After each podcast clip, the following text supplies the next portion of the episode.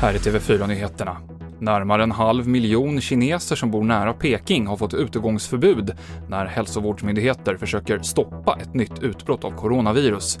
I ett område i provinsen Hebei, ungefär 15 mil från Peking, får nu en person per hushåll gå ut en gång per dag för att köpa mat och mediciner. Det finns en stor oro för en andra våg av coronavirus i Kina. Fyra män åtalas för att ha försökt ta ner en staty av den tidigare presidenten Andrew Jackson utanför Vita huset. De fyra åtalade och flera andra personer ska ha försökt ta ner statyn med hjälp av rep och hammare. Och det här är ett brott som kan ge dem upp till tio års fängelse, skriver AFP. Efter den kraftiga branden i en industribyggnad i Nyköping igår har polisen inlett en förundersökning om grov mordbrand. Byggnaden brann ner och släckningsarbetet pågick fram till i morse. Och det var rekordvarmt i Skellefteå i veckan. 34 grader är den varmaste junidagen i Sverige på 50 år och den högsta temperaturen som någonsin har uppmätts i norra Norrland i juni, enligt SMHI.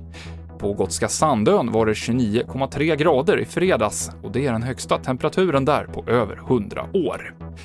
TV4-nyheterna med Mikael Klintevall.